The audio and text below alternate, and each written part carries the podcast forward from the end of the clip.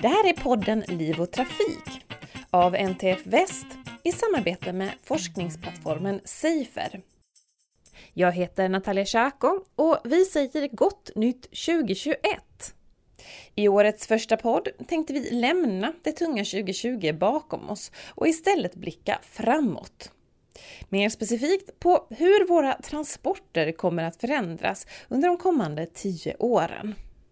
Gäst idag är Jan Hellåker, ordförande för transportorganisationen Drive Sweden, som utvecklat en framtidsutblick för vad man tror kommer hända inom transportsektorn de närmsta åren.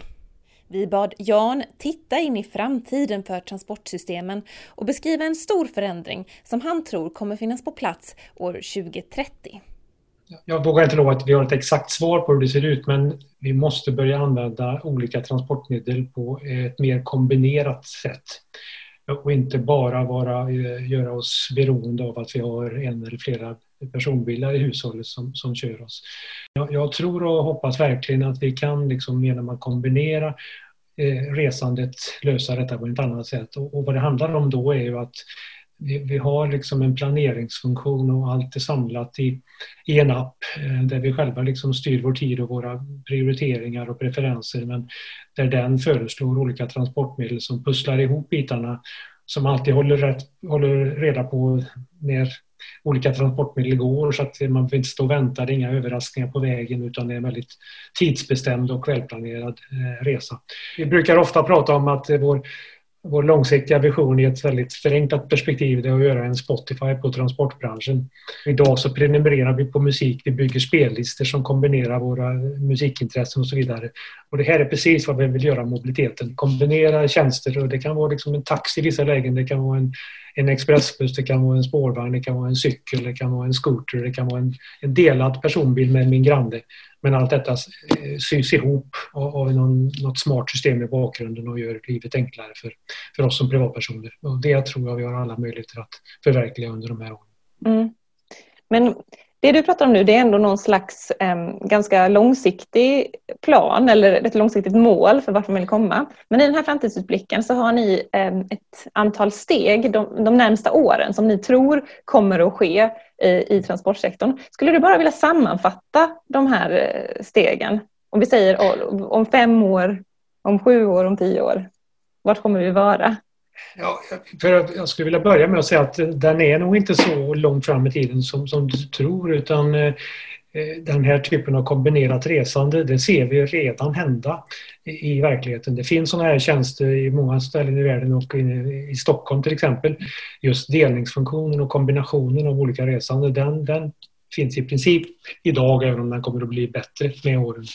Eh, sen de funktioner vi pratar om där, det handlar ju mycket om att stoppa in en mer och mer automatiserade fordon i det här transportsystemet och där allt mellan bussar och ner till bilar på sikt kommer att vara allt mer självgående. Mm. Men vad är det egentligen som krävs för att man ska få till den typen av självkörande fordon i alla, som fungerar i alla trafiksituationer? Det är ju en kombination av både legala hinder som man får inte släppa Eh, kontrollen över fordon utan att enligt eh, olika internationella lagar och regler så måste det finnas en förare bakom ratten som är fullt ansvarig. Så det är ett område som måste hanteras. Sen så är det ju då rent allmänt den, den tekniska utmaningen ska givetvis inte förringas heller. Eh, att, att få alla sensorer att fungera ihop, att man tolkar av trafiksituationerna och att man provar och validerar systemet så att det klarar av alla tänkbara och otänkbara fall eh, som man inte kan förutse, förutsäga när man, när man bygger de här funktionerna. Mm. Men, eh, så det är dels tekniska utmaningar och juridiska utmaningar men hur liksom, människors attityder, är människor redo för den här typen av fordon? Vad tror du?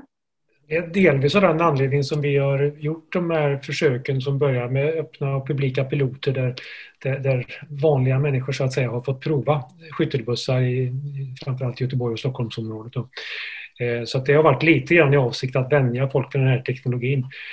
Eh, jag tror inte detta kommer att vara något problem utan jag är snarare rädd för att det omvända problemet är värre och det ser vi ju tyvärr redan tecken på att de personbilar som har någon typ av automatfunktion eh, oftast felutnyttjas av vissa användare som tror Antingen så gör de det medvetet att de vill testa gränserna för det och gör dumma saker. Eller också så är man helt enkelt lurad av vad systemen har kallats i, i marknadsföringen av, av bilen och tjänsten och tror att det är en mer självkörande än i, i praktiken är. Och vad, kan man, vad kan man göra åt det? Det, det, är, det ser jag som ett, ett stort utbildningsproblem och en sak i detta som har blivit allt mer fokuserat på sistone det är att faktum att man, det finns en massa olika varumärken på de här funktionerna. I princip samma funktion kallas för olika saker i olika bil, Eh, inom olika bilmärken och det i sig gör att man kan tolka det olika. Men jag tror att det här behövs någon typ av eh, ja, vi är inte där än att de här bilarna är fullt självkörande utan, eh, men det kommer nog att behövas någon tydlig terminologi för detta som förhoppningsvis blir så branschgemensam som möjligt för att det här ska vara tydligt och klart vad man kan förvänta sig. Mm. En annan sak som, som, när vi är inne på självkörande bilar, i den här framtidsutblicken så skrev ni att 2028 eh, skulle det vara, mm, finnas självkörande lastbilar på vägarna som transporterar varor och gods. Tror du att det är så nära i tid? Ja, men det, det, det, ligger lite närmare av många olika anledningar. Och det handlar ju framförallt återigen då om landsvägstransporter. Eh, där det redan idag pågår försök med eh, självkörande fjärrövervakade lastbilar i Jönköpingstrakten just nu. Eh, andra försök pågår inom Eh, Eh, avgränsade områden som typ i gruvor och hamnar och liknande där man också kan börja och lära sig. Så att eh, den kommersiella fordonsutvecklingen har fått en liksom mer mjuk start i det avståndet att man kan prova eh, under säkra och kontrollerade former och innan man tar de stora stegen ut i, i verkligheten. Tror du att den här utvecklingen gäller för hela landet eller kommer det se olika ut i städer och på landsbygd? Kommer man, kommer man kunna se någon skillnad där? Jag, jag, tror att det här kombinerade resandet som jag beskrev, det kommer nog att vara lättare att, eh, att sätta igång i en mer storstadsliknande miljö där vi har mer transportmedel till förfogande. Eh, att göra det i en glesbygd som långt upp i Norrland är, är ju inte lika lätt. Däremot så tror jag att det finns andra nyanser av det som är intressanta där uppe också. För idag så, så, så kanske i den mån det finns kollektivtrafik alls så är det väldigt, väldigt glesa rutter med, med låg frekvens på det. Eh, och att eh, hitta nya transportlösningar i glesbygd. Det finns faktiskt en parallell till Japan, hur konstigt det än låter det men mycket av utvecklingen i Japan på den självkörande sidan går ut på att lösa mobilitetsfrågan för de äldre i, i glesbygden i Japan eh, som liksom blir helt strandsatta när de inte kan köra bil längre kanske inte ens har haft en bil. Eh, så att eh, sådana här självgående minibussar, det finns på många håll på den japanska landsbygden. Jag ser inte det som uteslutet att vi kan få den typen av trafik även i, i, i svensk glesbygd, eh, glesbygd så småningom. Men den här ombytliga, liksom, ombytliga vädret eller klimatet som vi har här där vägen ändå förändras, ibland snöar det väldigt mycket, ibland regnar det. Påverkar det liksom, hur bra de självkörande fordonen fungerar? Jo, det, det, gör det, men inte, inte i den utsträckningen som man kanske tror i första anblicken. Det, det är ju inte som så att de här fordonen navigerar bara enligt att man läser av väglinjerna och följer dem, vilket då självklart skulle vara helt omöjligt i en snöstorm. Utan eh, de har ju andra typer av sensorer som mäter av eh, avståndet och riktningen till olika kända infrastrukturmål eh, så att man åker runt med en slags tredimensionell karta i fordonet och där man mäter i tusen olika riktningar på samma gång och på det sättet mäter av. Mm. Men tror du att självkörande fordon skulle, liksom, skulle minska antalet olyckor?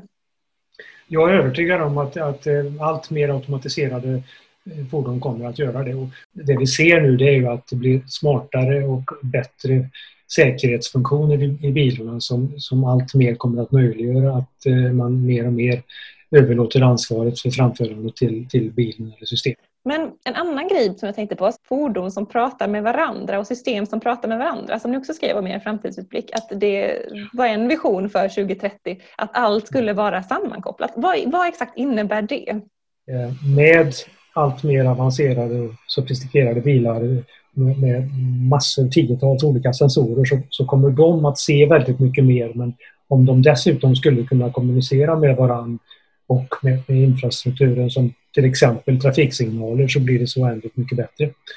Eh, och självklart så, så, måste man ju allt det vi pratar om nu så, så måste ju detta ske på ett eh, helt neutralt och avidentifierat sätt så att det inte handlar om att på något sätt spåra bilar som kör omkring i, i, i trafiken. Men, men att, att bli varse att det kommer en bil som eh, är på väg att göra en, en sån här T-bone crash för att han kör mot rött ljus och, och kunna hinna bromsa i förtid, det hade varit väldigt mycket värt. Så mycket av det både, som både du pratar om nu och som du skriver om i framtidsutblick har att göra med hållbarhet och en förutsättning att människor vill dela på um, ja, men fordon till exempel. Då. Um, var, varför tror ni att det kommer fortsätta den utvecklingen? Att det kanske inte vänder att människor helt plötsligt tycker att det är jätteviktigt att äga sin egen bil eller att man inte alls tycker att miljön är så viktig eller att man bör, inte vill att ens eller bil ska vara sammankopplad med andra bilar. Jag förlitar mig mycket på den, eh, den allmänna trenden i samhället och, och den, den yngre, den uppväxande generationen. För att om man tittar i, i västvärlden idag så, så finns det en väldigt tydlig trend på många områden att man, man är inte så intresserad längre att äga någonting som är en statussymbol.